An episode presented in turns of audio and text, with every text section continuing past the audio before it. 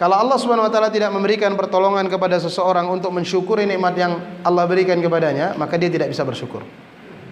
Maka kita menjumpai banyak manusia yang melihat kehidupan mereka ini adalah suatu hal yang biasa-biasa saja. Tidak ada perkara yang perlu difikirkan, tidak perlu perenungan, dan tidak perlu mengisi kehidupan. Mereka sama lembu bedanya nggak ada.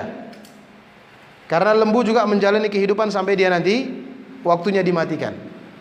Lah manusia yang tidak mengerti hikmah penciptaannya untuk apa? Lewat usia 40 juga tidak mau beribadah kepada Allah Azza wa Jal, musibah. Dua, orang yang sangat-sangat Allah benci.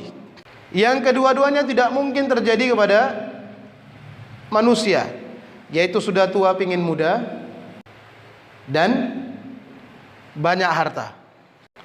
Sudah semestinya ketika sampai usia 40 tahun itu masa dia untuk menatap masa depan yang sebenarnya.